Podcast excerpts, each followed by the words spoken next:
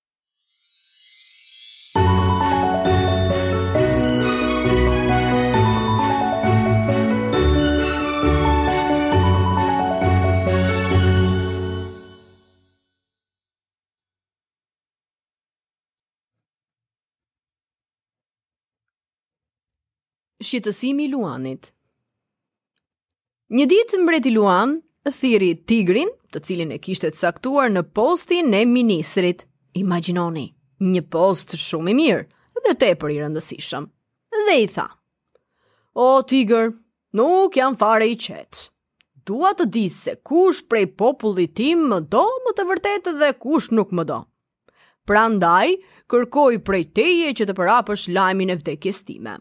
Po, po, do thuash, Luani ka vdekur, ndërsa unë çfarë do bëj? Do të shëtis fshetas nëpër pyll për të mësuar mendimet e banorëve në lidhje me mua. Hmm, si thua?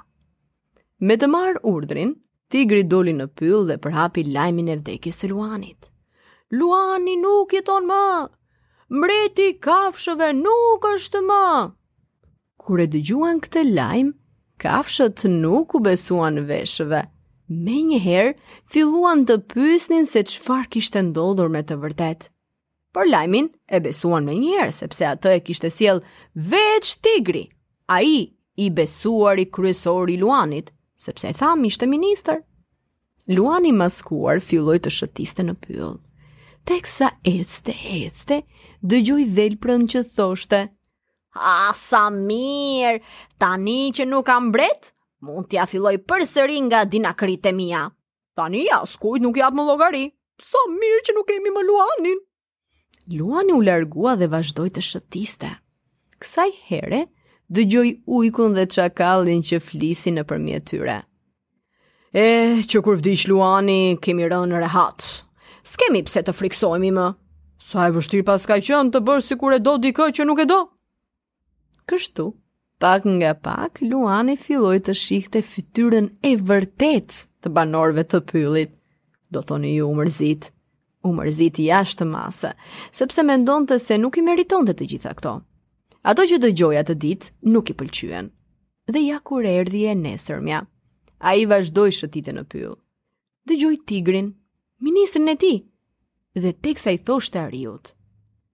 Ari, vëlla, mbaje gjuhën gjatë këtyre ditëve. Mbreti ynë në të vërtetë nuk ka vdekur, po bën gjoja. Prandaj mos fol asnjë fjalë të keqe për të. Kur i dëgjoi këto fjalë, Luani nuk e deshte më veten. Ndihmësi i tij besnik, tigri, sapo i kishte nxjerrë të fshehtën. Nëse ministri im bën kështu, po të tjerët, çfarë bëjnë vallë? Mendoi ai. Mua nuk më dashka njeri në pyll. Dhe mori rrugën drejt pallatit të tij. Diku, pranë një guve, dëgjoi një lepurush me lot në sy që i tha: "Mbreti im, pa ty pylli është bosh.